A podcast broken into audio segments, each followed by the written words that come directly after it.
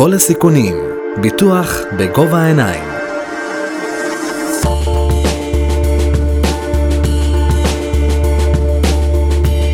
שלום שלום, ברוכים הבאים לפרק נוסף של כל הסיכונים.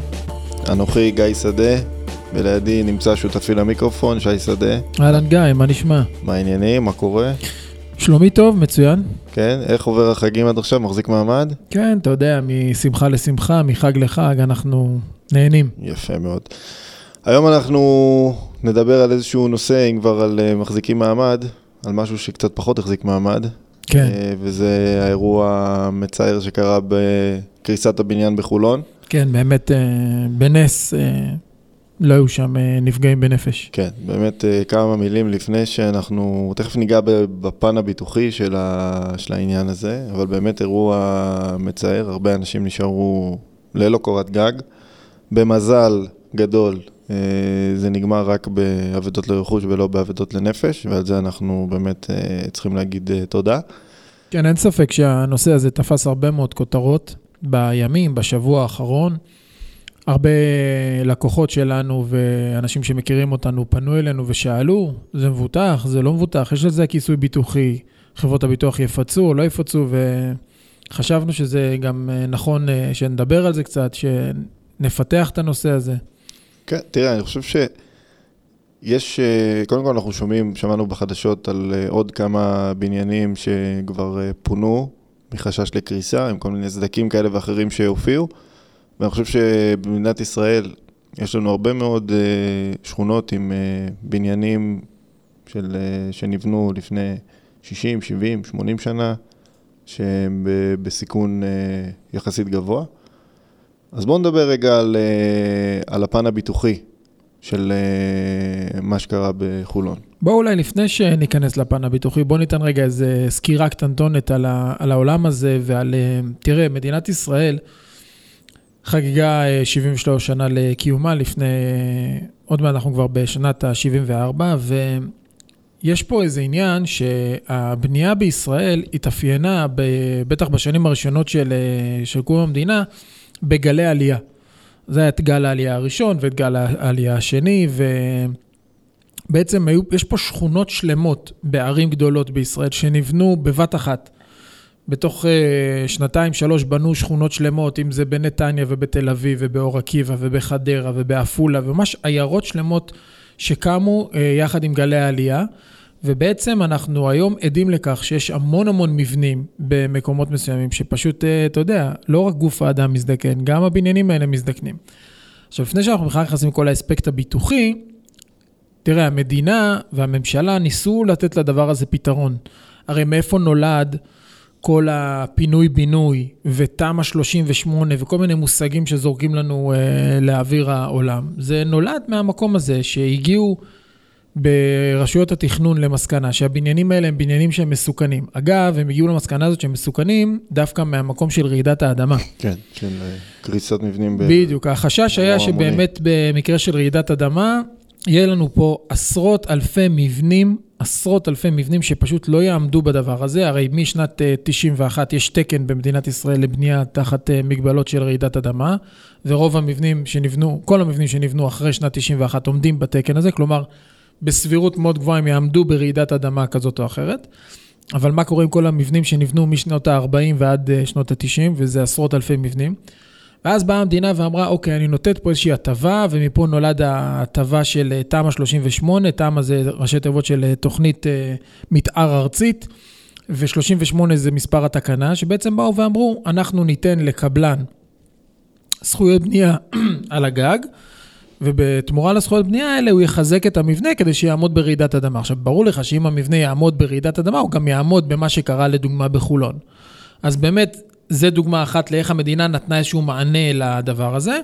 והפתרון הנוסף זה מה שאנחנו מכירים פינוי-בינוי, בשם המקצועי שלו זה סתם 38-2, שזה אומר להוריד את הבניין, זה באמת מבנים שאין להם תקנה, כלומר אי אפשר לחזק אותם לרעידת אדמה, כי הם באמת במצב מאוד מאוד רעוע. והפתרון הוא לגלח אותם ולבנות מבנה חדש. אז זה, אתה יודע, זה פתרון, פתרונות שהמדינה העמידה לצורך העניין הזה.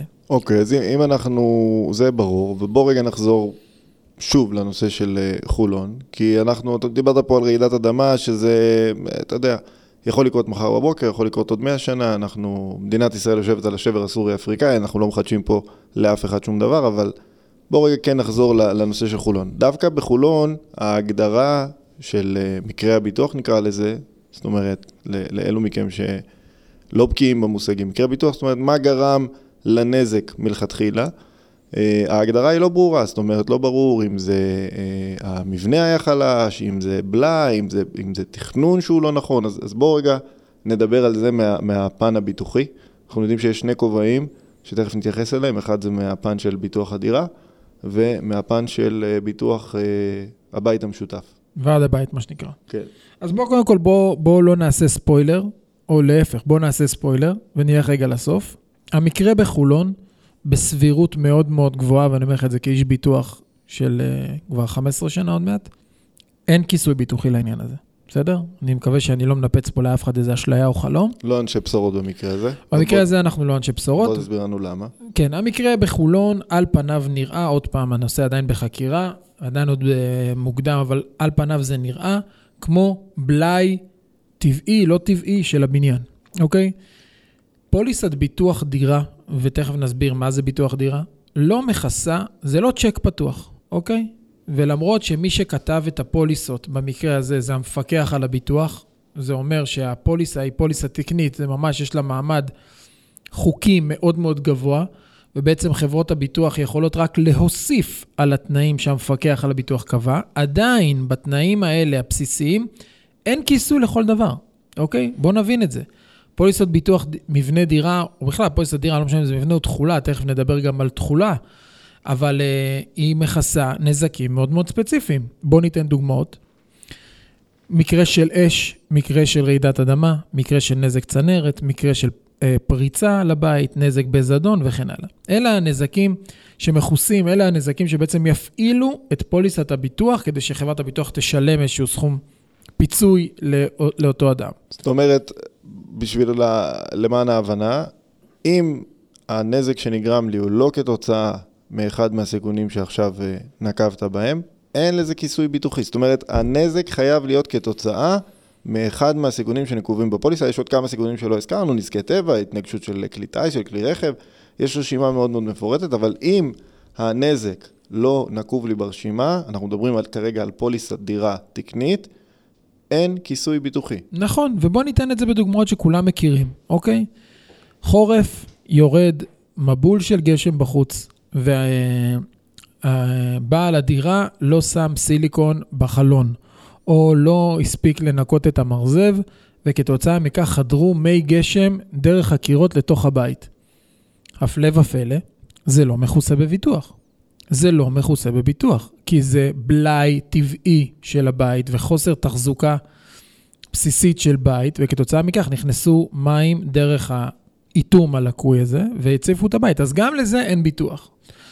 מאידך, בוא נשאר רגע בדוגמה של החורף, ובוא ניקח את החורף האחרון שהיה לנו, שהיה חורף מאוד מאוד uh, קשוח מבחינת משקעים.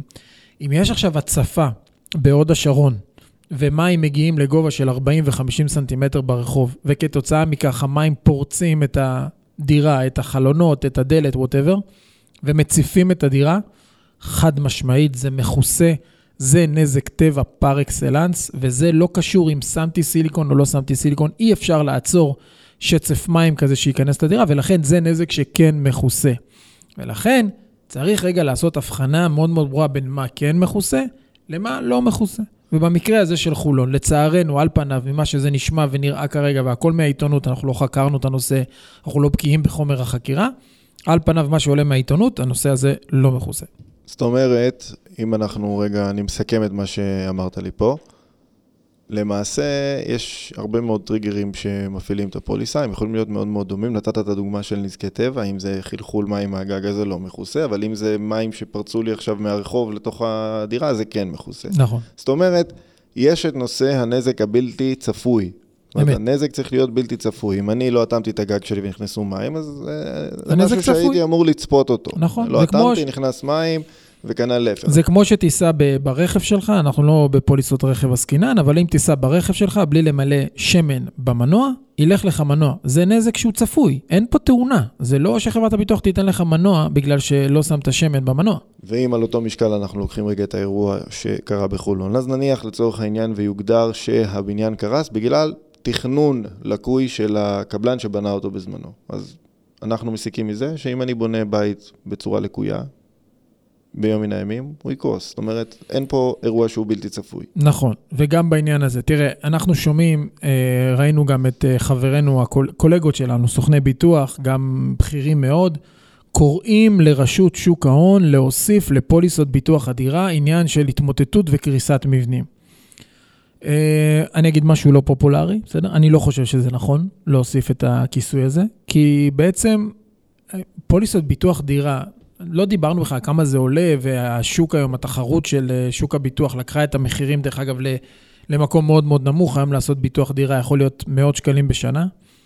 אה, אבל זה לא יכול להיות שהרגולטור יפעיל פה לחץ על חברות הביטוח לכסות מקרים שכאלה. אז נכון שזה עצוב, ואנחנו רואים פה אנשים שהם הפכו להיות ממש הומלסים, אין מילה אחרת.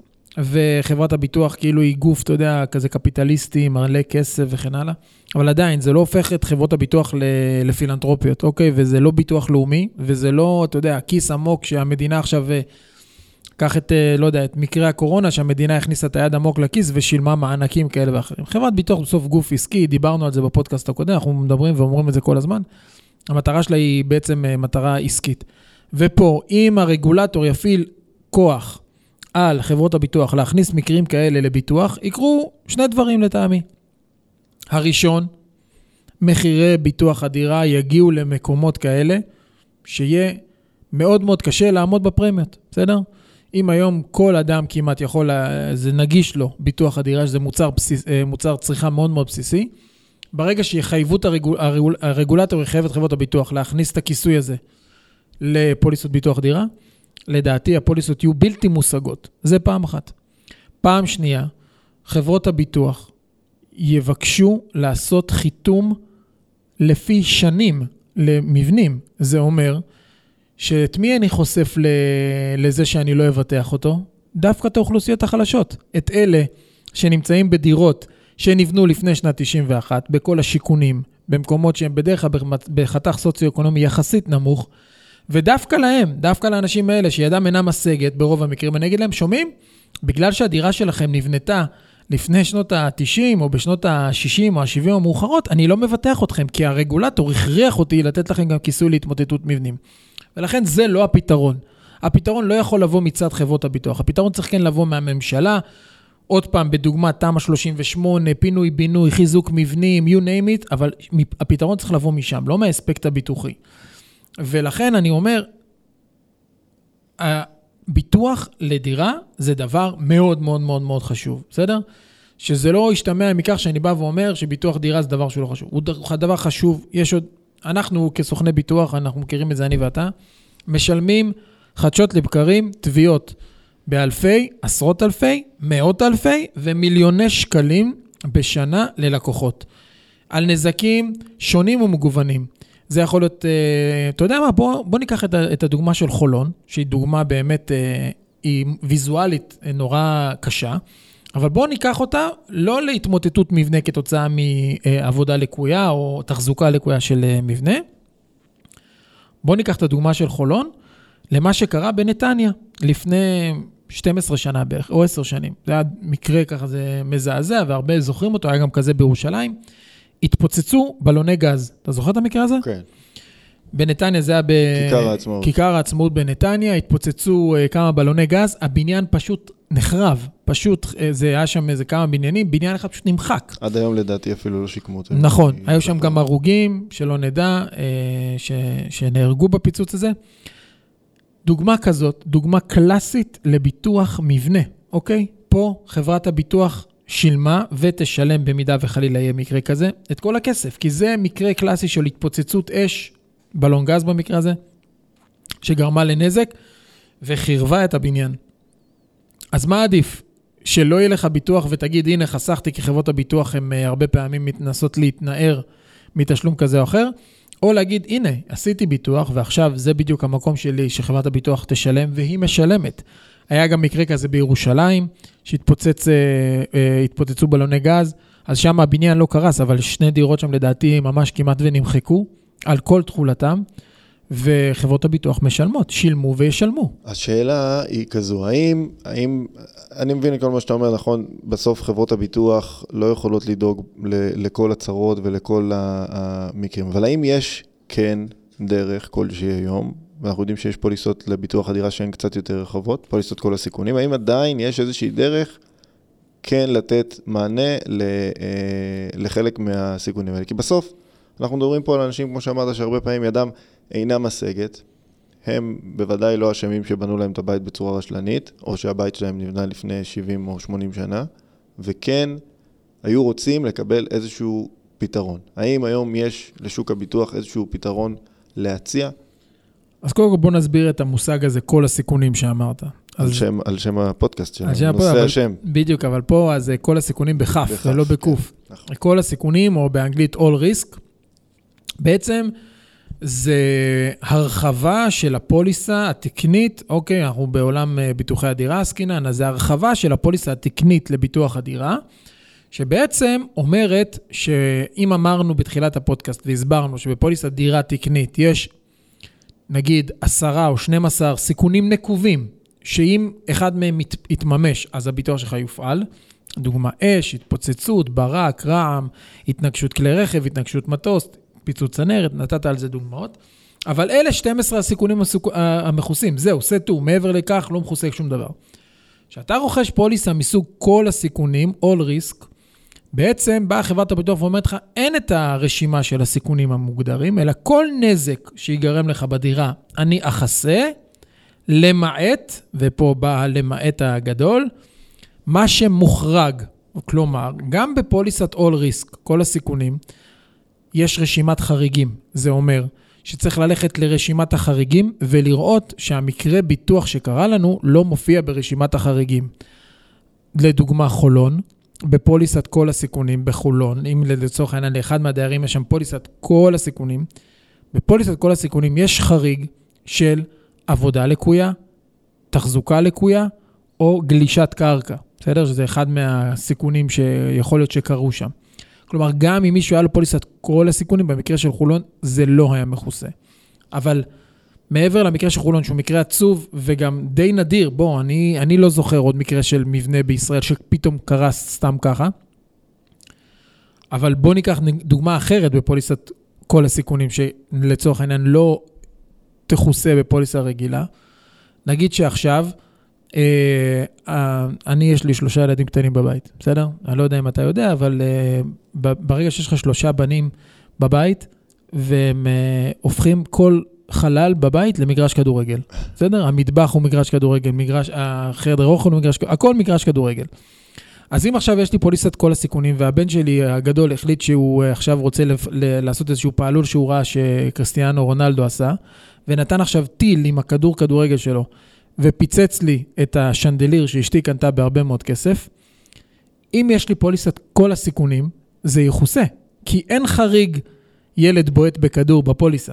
אוקיי? לעומת פוליסת רגילה, פוליסת נקובת סיכונים שלי, שמה לא יהיה לי כיסוי לדבר הזה. כלומר, יש היום פתרונות בביטוחי דירה של להרחיב את הפוליסה הסטנדרטית לסיכונים שהם הרבה יותר רחבים. זה לא ייתן פתרון להכל. עוד פעם, אנחנו, עוד, אני חוזר ואומר, חברות ביטוח הן לא צ'ק פתוח. זה לא כל דבר. אתן עוד דוגמה שלא מכוסה בכל הסיכונים, מכרסמים או אש, בסדר?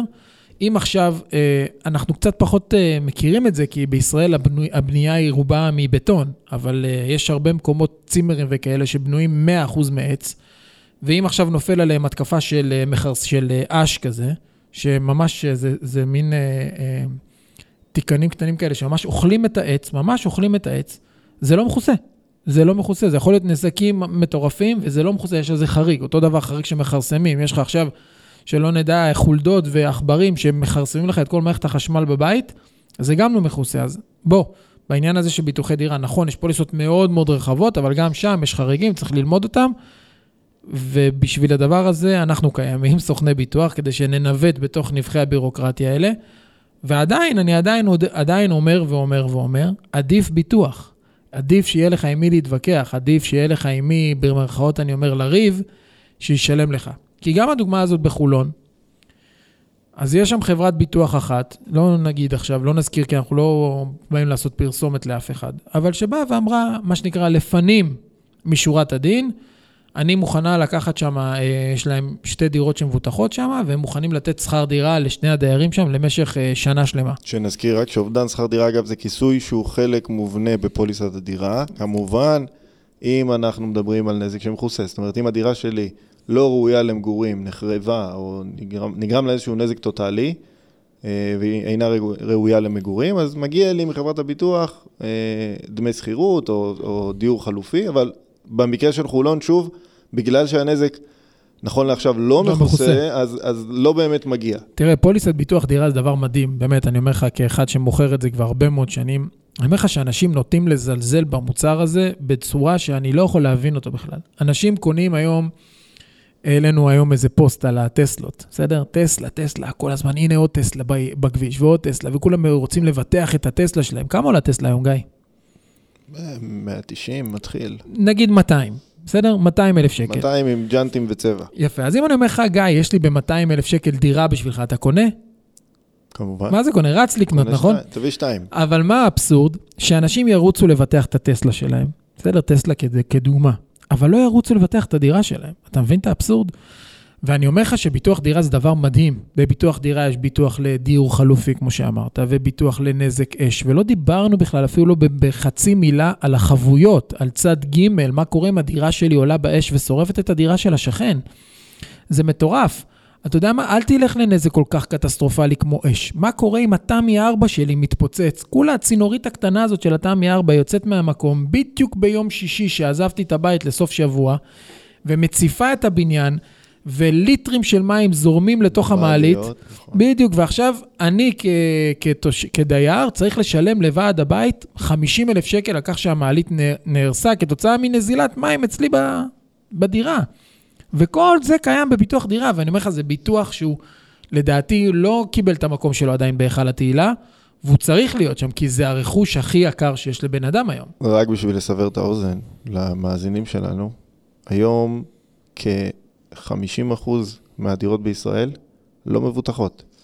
זאת אומרת, נתת את הדוגמה של הטסלה מקודם, כן, מבלי להעליב את אה, בעלי הטסלות, אה, אבל זה אבסורד, זה אבסורד, זאת אומרת, הנכס שאצל רובנו הוא הנכס היקר ביותר, אנשים לא חושבים בכלל לבטח, אבל את הרכב שלהם שהם קנו ב-100, 150, 200 אלף שקל, הם לא יוציאו מהמגרש, לא יזיזו אותו מילימטר, או לא ייתנו לבן שלהם לנהוג בשבת, אם הם לא יודעים בוודאות שיש לו ביטוח. אז נכון, הסבירות שתקרה תאונת דרכים היא שונה מהסבירות שיישרף לי הבית, או שהוא יתמוטט או יקרוס, או רעידת אדמה, אבל עדיין, אם אנחנו מדברים פה, אנחנו, אנחנו מנהלי סיכונים. אם אנחנו מדברים פה על אה, עלות מול תועלת, אז להשקיע אין. כמה מאות שקלים בשנה. אין שיקול בכלל. אה, אל מול הנכס הכי יקר, אז, אז כמובן ש, שבאמת אין שיקול, ומכאן גם כמובן מי שבין המאזינים שלנו, שעוד אין לו ביטוח דירה, אז כמובן להתעורר ולבדוק את הדברים האלה. אנחנו יודעים שמי שיש לו משכנתה דרך הבנק, אז הבנק מחייב אותו לרכוש ביטוח אה, נכון, דירה. נכון. מבנה לפחות. אה, אבל, אבל גם ביטוח מאוד מוגבל, מאוד מוגבל, הביטוח דירה של הבנק. א', אין בו כיסוי צד ג', אנחנו נעשה פודקאסט שלם רק על צד ג', אנחנו נעשה פרק שלם על העולם הזה, אבל... אבל אין בו ביטוח צד ג', הרבה פעמים הבנקים מבטחים את הדירה בגובה המשכנתה, שזה טעות מהיסוד, זה לא, לא רלוונטי. בוא ניתן אה, כמה מילים לפני סיום לגבי הנושא של ועדי בתים. דיברנו על ביטוח דירה, פוליסה תקנית, אנחנו הבנו את הנושא הזה, אבל בואו רגע נדבר על העולם של ועדי בתים. קודם כל, תסביר לאלו מאיתנו שלא מבינים. אם יש לי ביטוח דירה, למה אני צריך גם שיהיה לי לבניין שלי ביטוח ועד בית? קודם כל, שאלה מצוינת, אה, אבל בוא, התשובה היא די פשוטה. אה, לעשות ביטוח לוועד בית זה פשוט לפשט את המורכבות של העניין. מה הכוונה? תראה, אם ניקח עכשיו דוגמה של בניין בין 10 קומות, שתי דירות בכל קומה, זה 20 דירות, אוקיי? עכשיו, אנחנו יודעים שבביטוח דירה לא דיברנו על זה, אבל ניתן לזה כזה חצי מילה. בביטוח דירה, שאני מבטח בביטוח דירה את הדירה שלי, ואני אחד מתוך 20 בבניין, אז יש לי גם 1 חלקי 20 חלק ברכוש המשותף. כלומר, הביטוח דירה שעשיתי אני, מכסה גם 1 חלקי 20 את הרכוש המשותף בבניין. את החלק המשותף שלי בדירה, בואו נפשט אז, את זה. אז טכנית, אם 20 אנשים עשו, את כל, כל 20 הדיירים עשו ביטוח דירה, טכנית יש ביטוח לכל הרכוש המשותף. אבל סבבה? יש מורכבות. נכון, מה המורכבות? דוגמה, פרצה אש בקומה שלישית בחדר המדרגות, מאיזושהי סיבה, לא ניכנס עכשיו מה הסיבה, ועכשיו יש נזק לחדר המדרגות, עשרת אלפים שקלים, אוקיי? טכנית, אני יכול להפעיל את כל ה-20 פוליסות של כל בעלי הדירות שישלמו את אותם 10,000 שקל. מה יקרה? נגיד שלכל אחד יש 500 שקל השתתפות עצמית, אוטומטית הגעתי להשתתפות העצמית. כלומר, 20 כפול 500, אני ב-10,000 שקל נזק. ויש 20 תביעות, 20 שמאים, 20 חברות ביטוח וטררם אחד גדול. מניסיון, אחד, אחד זה מספיק, כאב ראש מספיק גדול. כן, כן, כן. מאידך, אם אתה עושה ביטוח של ועד הבית, זה אומר שיש חברת ביטוח אחת. שמבטחת את כל הרכוש המשותף, מלמעלה ועד למטה, מהגג ועד החנייה, דרך החדר אשפה, דרך המעליות, דרך הלובעים. זה אומר שאם יש נזק, אז יש חברת ביטוח אחת שמטפלת בנזק הזה. זה פעם אחת. פעם שנייה, אם יש נזק שהוא נזק ממשי, אז החברת ביטוח שרכשנו ממנה את הביטוח של הרכוש המשותף גם עוזרת לשקם את המבנה.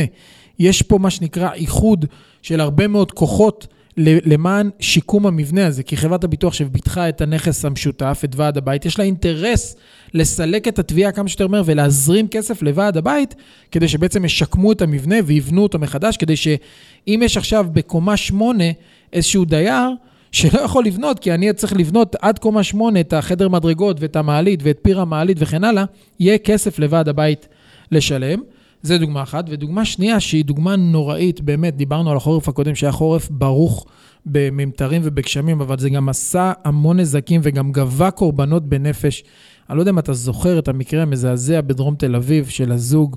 בוודאי, שנתקע במעלית. שטבעו במעלית, נוראי. שלא נדע, הם טבעו במעלית וקיפחו את חייהם במעלית. אז, אז זה נורא וזה איום, וזה באמת, אף ביטוח לא יחזיר אותם לחיים, אבל... מי שיושב בבית המשותף הזה, בוועד הבית, עלול למצוא את עצמו בתביעה משפטית. כי המשפחות של הזוג הזה שנהרג יכולים לתבוע את ועד הבית גם על רשלנות, אם הם יצליחו להוכיח שוועד הבית התרשל פה בתחזוקת הבניין, וכתוצאה מכך יש לנו זוג שלא נדע שנהרג, יש פה אחריות אישית לוועד הבית, אז בסוף יש איזה, אתה יודע, איזה פנסיונר כזה שבא לו להתנדב בוועד הבית, והוא רב עם הגנן, אם לשים את הבגונביליה האדומה, או את הדשא להשקות פעמיים בשבוע, פתאום הוא מוצא את עצמו בתביעה של מיליונים, כי יכול להיות שהוא לא תחזק את הבניין כמו שצריך, וכתוצאה מכך יש לנו הרוגים בבניין, שלא נדע. זו דוגמה קיצונית, אבל זה קיים, זה קיים. פוליסת אה, ועד בית, אנחנו יודעים שלהבדיל מפוליסה דירה, היא לא פוליסה תקנית, זאת אומרת, היא, אה, אין איזה שהם תנאים שהפיקוח על הביטוח קבע, אין תנאי סף, זאת אומרת, זה מאוד מזכיר פוליסת עסק. מה, מה אנחנו יכולים ללמוד מהמקרה הזה? תראה, אני חושב שפוליסת ביטוח אה, ועד בית, אני שווה שנקדיש לה פודקאסט משלה, ממש בשני מילים. פוליסה מורכבת, היא ממש לא שגר ושכח, זה לא הפוליסה של, אתה יודע, תעשה לי הכי זול ואני רוצה רק צד ג'. היום וד, אה, בתים משותפים זה פועל כמו עסק לכל דבר ועניין. אנחנו מבטחים בתים משותפים שיש בהם ככה, בית כנסת, חדר כושר, חדר ג'ימבורי, חדר משאבות, גנרטורים, זה עסק, זה עסק לכל דבר. והדבר הזה צריך התייחסות, בריכת שחייה, בסדר? בתוך בית משותף. זה לא ביטוח של אה, שקל וחצי או דקה רגע להתייחס, זה ביטוח שצריך לתת לו התייחסות, כובד ראש, האם נדרש מציל, לא נדרש מציל, האם בחדר כושר אפשר להכניס ילדים מתחת לגיל 18, מעל גיל 18, האם הג'ימבורי מבוטח, לא מבוטח, האם הספרי תורה בבית כנסת מבוטחים. פה זה כבר הפך להיות, ומלוא. זה הפך להיות עולם ומלואו, אני מציע שנעשה על זה באמת פודקאסט בנפרד. בגדול, בשתי מילים, זה ביטוח מורכב, צריך להתייחס אליו ברצינות, בכובד ראש, ולנהל אותו נכון. טוב, אה, שי, תודה רבה. קודם כל, אה, נגענו פה באמת בהרבה נושאים אה, מאוד מאוד חשובים, בין אם זה בביטוח הדירה ובין אם זה בביטוח הוועד בית. אני חושב שהמוסר ההסכם שצריך לצאת מפה היום איתו, זה הנושא ש... תראה, מי שאין לו ביטוח, אמרת את זה מקודם בחצי משפט, מי שאין לו ביטוח, אז אין לו ביטוח, אין, אין לו למי לבוא בטענות ולא אין לו עם מי לריב. אין עם מי לריב. ולמי שיש ביטוח, הנזקים הם, הם לא שחור או לבן, יש גם הרבה אפור, והיו כבר מקרים שבית משפט הפך החלטות ו, וסיכונים שחשבנו שהם לא מכוסים ובית משפט הגדיר אותם אחרת. לגמרי. יש לך אבא ואימא, גם אם הם לא תמיד רוצים לשלם, אבל לפחות יש עם מי לריב במרכאות, ותמיד אפשר לקבל בין אם זה פיצוי חלקי כזה או אחר או פיצוי מלא. אז חברים, אה, זה היה הפרק שלנו. מקווים שנהנתם. מקווים שתעשו ביטוח אה, לדירה שלכם, אל תישארו בלי. תדאגו לרכוש שלכם, תדאגו לו טוב טוב. אה, תודה רבה, שי. תודה, גיא. ניפגש בפרק הבא של כל הסיכונים. תודה שהייתם איתנו. כל הסיכונים, ביטוח בגובה העיניים.